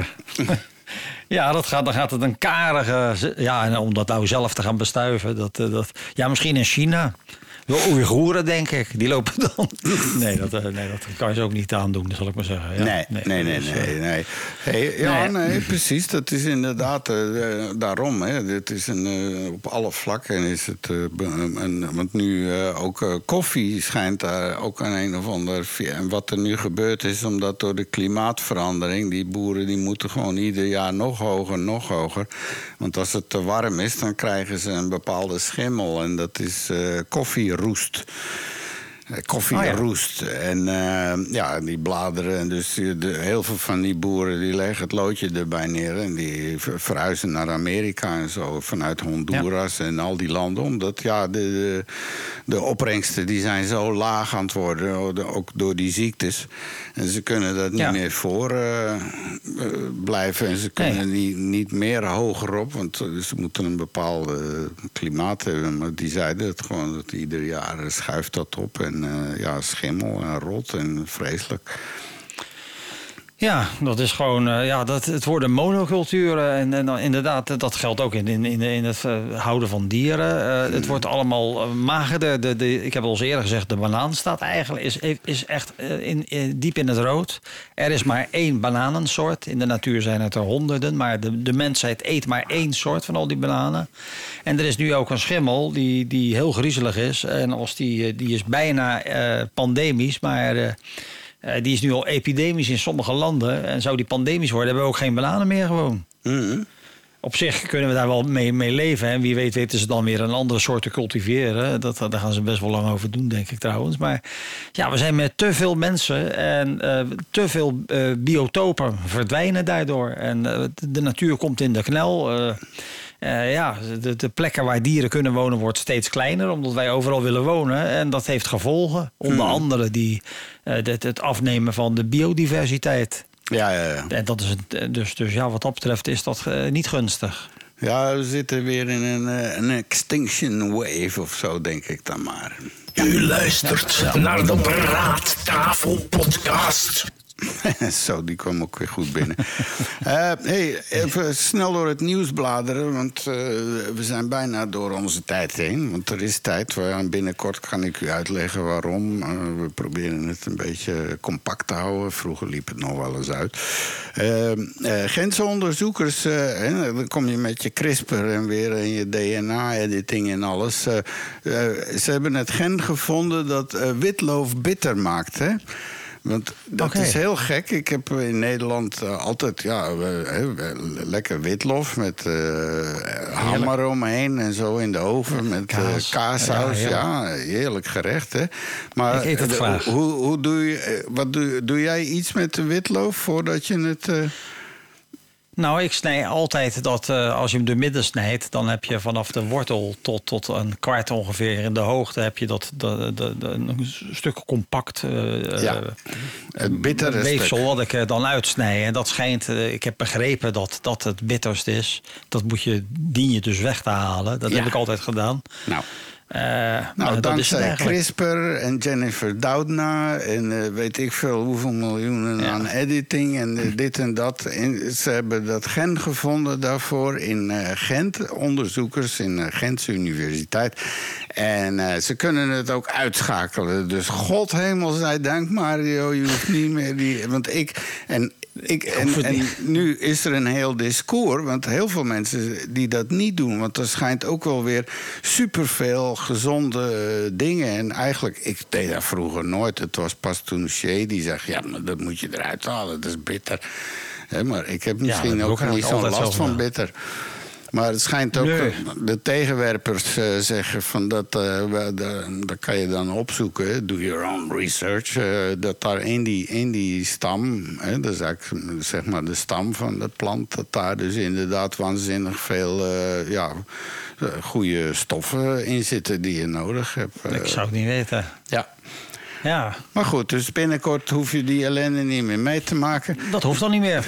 Nee. nou ja, is prima. Het is, ja.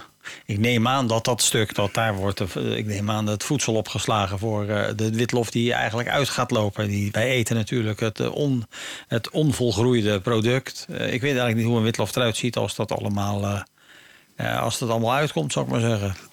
Maar goed, leuk, fantastisch. Nou, het is niet meer bitter. Eigenlijk is het wel heel bizar, want als, je hebt dus bijvoorbeeld ook sinaasappels en mandarijnen zonder pit. Ja, Maar dat is dan, dan neem je eigenlijk, dat is dan weer in esoterisch iets, eigenlijk neem je dan de bestaansreden van, van, van, dat, van, die, eh, van die mandarijn haal je weg. Want het enige waarvoor dat, die mandarijn is bedoeld, is om dat zaadje wat erin te zit eh, te doen ontkiemen. Dus eigenlijk heb je dan zeg maar een soort. eh, ja, een, een eunog zeg maar, van een, van een, van een stuk, stuk fruit, zal ik maar Ja, zeggen. een, een pitloze druif is ook. Ja, dat is natuurlijk eigenlijk, als je er goed over nadenkt, is het heel raar. Of bijvoorbeeld een roos. eh, Dat is Maar wel een, dat is prettig. een, een, roos, de meeste mensen vinden dat een mooie bloem. Maar het is natuurlijk botanisch gezien een gedrocht. Hmm. Ja. Hoe kan het, haal maar eens in je geestesoog naar voren een roos. Hoe moet een bijtje nou bij, bij die draadjes en dat stampetje komen? Dat kan helemaal niet. Nee, dus zijn wij er niet meer, is ook die roos weg. Nee, inderdaad. Hey, eh, Dus?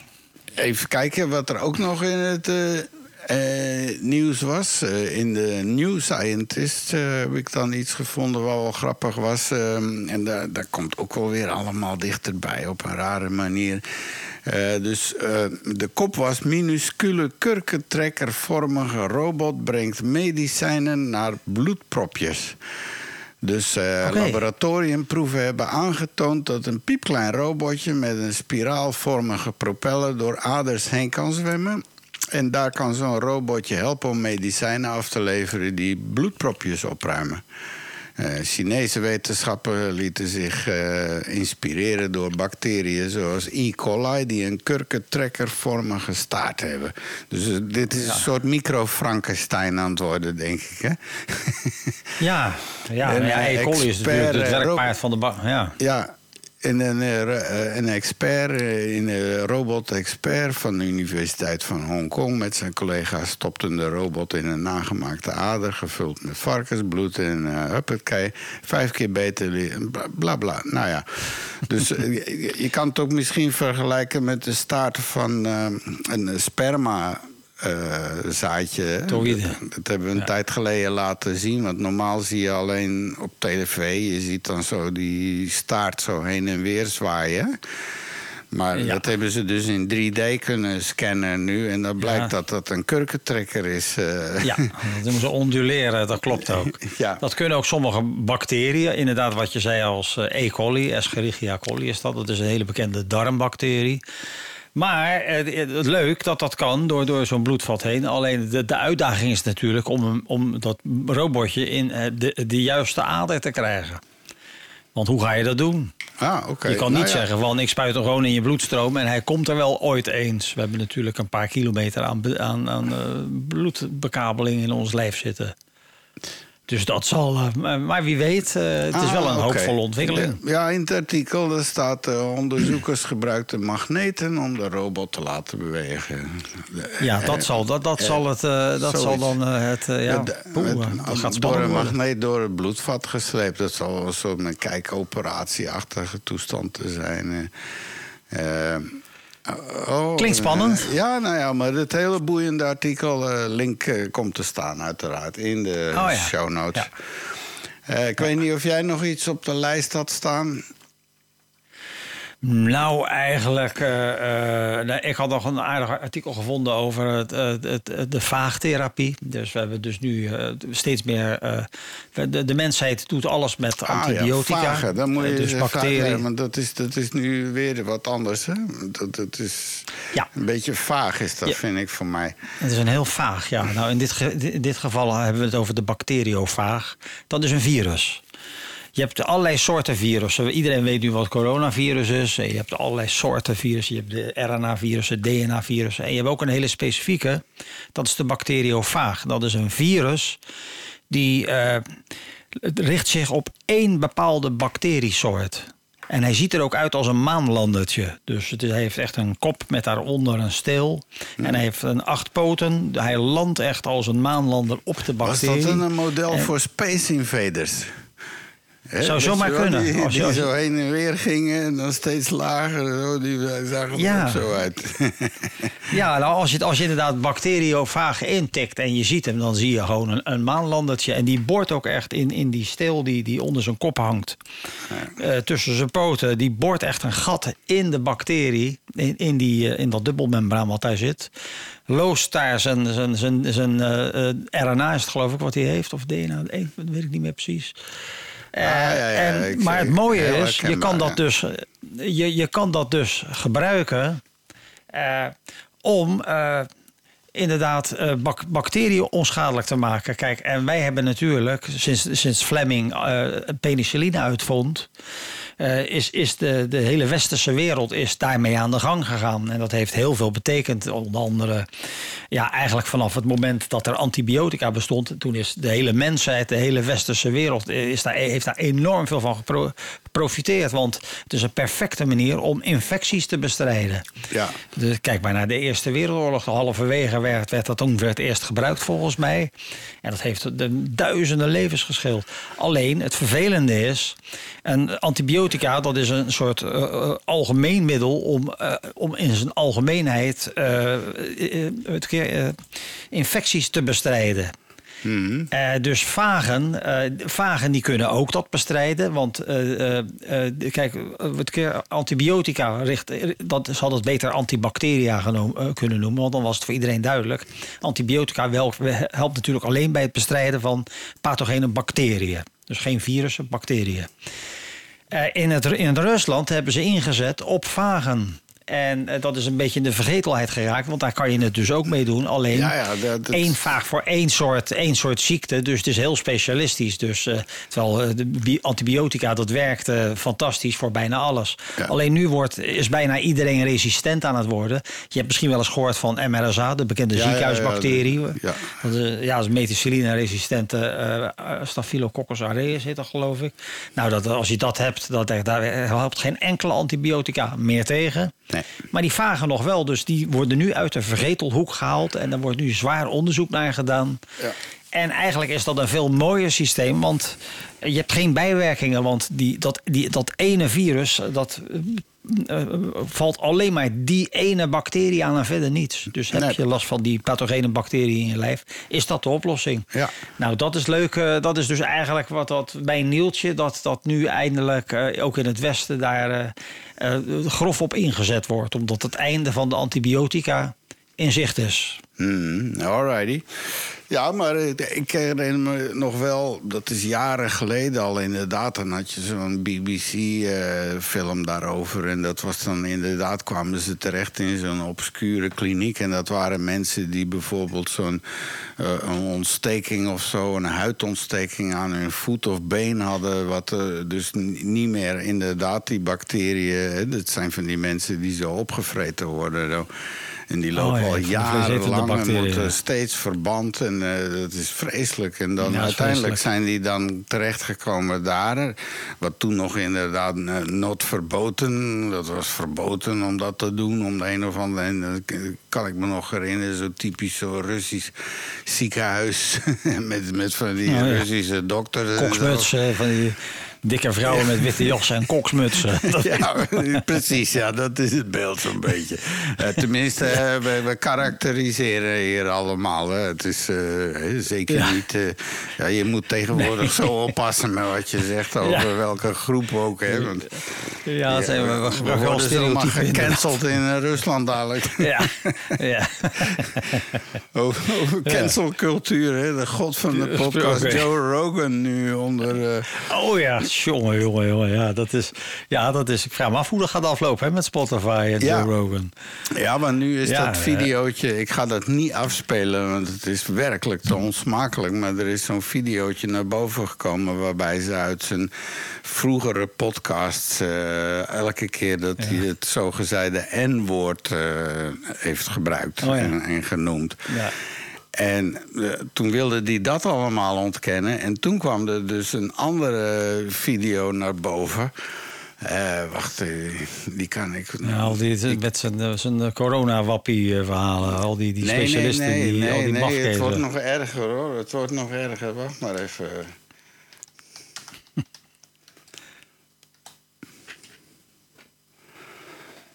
Hmm, eens even kijken hoor. Ja, wat dus eh, bleek, dat hij eh, op een gegeven moment eh, was hij aan het opnemen. En ze waren met een stel vrienden aan het uitgaan. En ze wilden een film gaan kijken, naar The Planet of the Apes. En ze hadden gewoon eh, in de app een bioscoop. dat is gewoon klikken, of een map, bioscoop. Ja, daar draait hij en ze hebben tickets geboekt. Kwamen daar aan, bleek dat dus een volledig in een zwarte wijk te zijn. En een volledig zwart publiek enzovoort. En zij waren de enige blanke mensen daar. En eh, terwijl die uitstapt, zegt hij... eh, We wanted to see the planet of the apes, but we are between the Hey, apes. oei, oei, We're in oei, ja. Africa. En- Oeps, ja, dat, ja, ja, dat is ik wel geloof dat ik hem lomp, hier heb gevonden. Oh. So I go, you got to go to uh, one where there's Planet of the Apes, man. We're going to go see Planet of the Apes. So I look on the iPhone app, and it says, okay, take me to this one. And the guy goes, okay. I go, is that in a good neighborhood? He's like, oh, yeah, yeah, yeah, yeah, yeah, yeah. Guy barely speaks English. He takes us there. We get out, and we're giggling. Oh, we're going to see Planet of the Apes. We walk into Planet of the Apes. we walked into Africa, dude. We, we, we walked in the door, and there was no white people. There was no white people. Dus whatever. En eh, ja, en dat was allemaal in de beste zin. Van, en, eh, met lachen en zo. En uiteindelijk hebben ze de Ja. film dan gekeken enzovoort. Maar ja, nu komt dat een naar de andere. Wat er nu dus naar boven komt. is het Ja. feit... hij heeft dus 100 miljoen eh, gekregen, hè, dollar. Van- van Spotify, exclusief, ja. o- ja, om exclusief, hè, want hij had ik weet niet hoeveel miljoen luisteraars... en hij is gewoon de ster hè, van, eh, de- van die podcastbeweging. Ja, hij doet het op zich niet slecht, hoor. Hij is een goed interviewer. Maar nu, eh, nu na Neil Young en nog meer artiesten die zeggen van eh, ik wil daar niet bij. Eh, Wat er nu dus aan het gebeuren is dat er artiesten zijn die zeggen ja maar ho. Eh, hij krijgt dus eh, inderdaad 100 miljoen terwijl hij nog eigenlijk niks gedaan heeft. Zomaar als voorschot. En dat is wel van ons geld, want het gaat om geld wat Spotify verdient aan de muziek. Dus, en hoe komt het dat wij voor één liedje 0,0003 cent krijgt.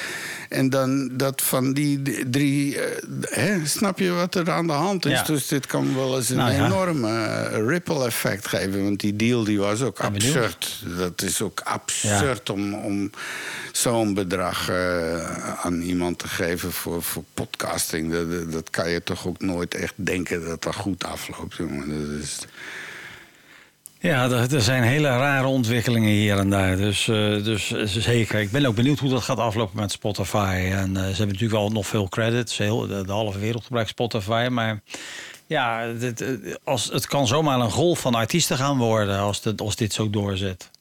Ja, Hmm. en dan gaat het spannend worden. Wat gaat er dan gebeuren? Kiezen ze dan eieren voor hun geld? Of eh, hebben ze de maling aan en wordt het eigenlijk een soort Joe Rogan show? Ja, ja, maar dat, Dus ja. Is, eh, dat is inderdaad een soort post-cancel cultuur van. Ja, maar goed. Hey, het, Joe Ja. Rogan, ik denk dat hij de volgende is die eruit vliegt. En, eh, of dat, die- of dat, en eh, dan gaan ze natuurlijk ook eh, zeggen van ja, we willen die 100 miljoen terug. En plus nog eens, want je berekent ons schade. Dus dat kan zomaar ineens Ja. helemaal de totale downfall betekenen. Ja. Ja, hoge en dan, bomen. dan al zijn podcasts, ja, dat, die, die kan je dan wel weer kopen als een NFT, denk ik. en, dan is het, en dan is de bal weer rond. Ja, ja, Ja, nee, zeker. Maar hij moet dat- oppassen, want eh, hij heeft ook veel te veel. van, eh, Ja, altijd. Ik heb toch een paar podcasts gehoord en dan, eh, dan zei dingen stop. Dan begonnen ze het weer over die ivermectin, hè, dat, die paardenontwormer. Ja. Er wordt dus van beweerd dat dat, eh, dat, dat eh, werkt tegen of eh, geneest, whatever. Maar het is zo goedkoop dat de pharma daar niks aan verdient. Dus daarom wordt dat dan onder banken geschoven. Van, Ja, Dat wordt dan tegengesproken dat dat werkt en zo. Maar ondertussen zitten er, ik weet niet hoeveel mensen met enorme bijwerkingen en rotzooi. Omdat dat echt, het is... Zijn schandalig. Ken je dat, eh, het medicijn? ja, ik heb ervan gaat? gehoord. Eh, ja, ja. Maar goed, ja, het dus- lijkt ook een beetje, ja, het lijkt ook een beetje op. eh, je hebt natuurlijk nu ook een golf aan verslaving in Amerika aan de oxycodon. Dat is ook nu om- onder het. onder, weggeschoffeld jarenlang. En ja, dat zijn allemaal stoffen die. ja, dat is toch heel raar eigenlijk. Ja, je kan eigenlijk mensen alles verkopen. Ja, precies. eh, en het is zeker met dat. En, en nu ook, eh, even kijken hoor, dus Oxycontin, maar dan... eh, ja, goh, ja, ja, ja, it's, it's a sad world, but we are happy, right? Zo is het. hey. Even Ja. Herkent u deze melodie? Oh ja. Oh. Een heel melancholisch moment, Mario. Jij hebt dit gemaakt. Het heet Oh. Oblivion. Je bent dat ook helemaal Oh, ja. vergeten. Nou, daarom, dat, dat, dat vergeet ik ook, dat liedje. Dat heb ik gelijk kwijt. Ja, terwijl het een meesterwerk is. Op Spotify heb je zo'n gast, die Amsterdamse pianist of zo. Die, die loopt Ja. daar helemaal van binnen. Die, die, die zet daar iedere dag zo aan een upright van die hele dromerige... Ik ben zijn naam Ja. even kwijt, maar eh, dat kan jij toch ook, hè? Nou, het zijn zeker eh, dromerige... dr- Ja, ik hou wel van eh, dromerige deuntjes op de piano. Ik mag dat graag eh, spelen. Huppakee, dus- op Spotify smijten. Je wordt een Yes. artiest en we worden rijk, Mario. ja, we gaan het zien. Alright, hey, ik moet er even bij zeggen dat eh, Gerrit heeft eh, onderweg een berichtje gestuurd. En, eh, met heel veel sorry, sorry, sorry. Want hij had kennelijk al zijn headset en dingen in Utrecht... waar hij ook een, een appartement heeft of zo. Waar een tweede thuis als het ware. En was hals over kop terug naar Noord-Duitsland. En dan, ja, ze, ja, ik bedoel, eh, ja, niet bij zich hebben. Dus eh, daar zit hij zonder apparatuur in zijn eh, huisje aan het meer. Nou, als je luistert, Gerrit, in de geest was je er wel bij. En Eddie, eh, ja, daar gaat het nog steeds niet goed mee. Ik weet niet of dat we die ook om, terug gaan zien of zo. Nou ja, Chris hebben we gehoord. Die zorgt vast wel weer voor een nieuwe aflevering volgende week. En, Was leuk. Ja, Ja. graag. Ik zou zeggen namens mezelf eh, in elk geval hartelijk bedankt voor het luisteren. En dat je het hebt volgehouden. Ook eh, ja, het hiaat rond het nieuwjaar. Het was gewoon te druk en eh, te veel gedoe. En ik heb intussen de corona gehad. Dus dat is ook wel gek als je het gehad hebt. Dan ben je ineens verlost van die angst om het te krijgen. Eh, daar zit wat in. Ja. Ja, want ik was twee jaar lang en ik denk, nou, ik surf hier ongeschonden toch nog van. Hè, want het, is, het, het werd maar één jaar en nu twee jaar. Maar nu ik het gehad heb, Nou, van zeker. oké, nou, eh, pff, ja. Nou, het, sterker nog, ik, ik, ik zit bijna te hopen dat ik het krijg. Want het schijnt niet erg te zijn. En dan heb je weer een stukje immuniteit erbij. Ja, en dan eh, naar een, hey, naar een coronaparty. Ja. dat was ook op tv dat er van die Lekker hoesten met z'n allen. nu. om om zich te besmetten. Van, want je krijgt dan een... eh, want mijn eh, pas is nu 180 dagen eh, is die geldig, hè? Mijn green eh, Ja. corona safe ticket. Dus ja, dat is wat waard. Maar ja, hè. heb je het weer gehad dan... ja. Dan kan ik weer naar Spanje. En dan kan, nu kan ik alles doen wat ik wil, zeg maar. Hè? Vrijheid, jongen, Oké. vrijheid. Maar ja, Vrijheid, er wordt man. toch afgeraden, want het is niet Ja. helemaal statistisch, maar oké. Ja, ja ergens misschien wel, ja. Toch maar beter laten komen, maar ja.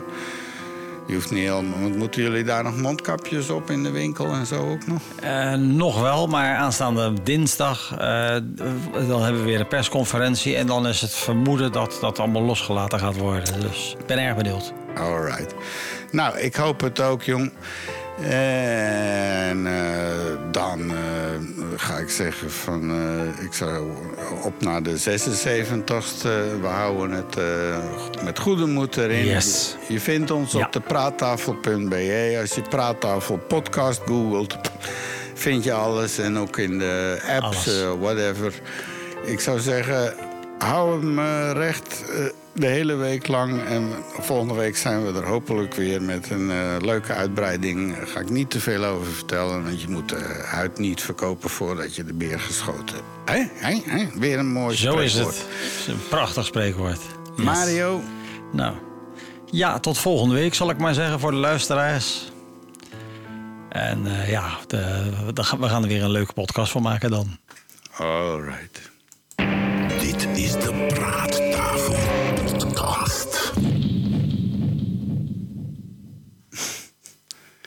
Nou, ja, even.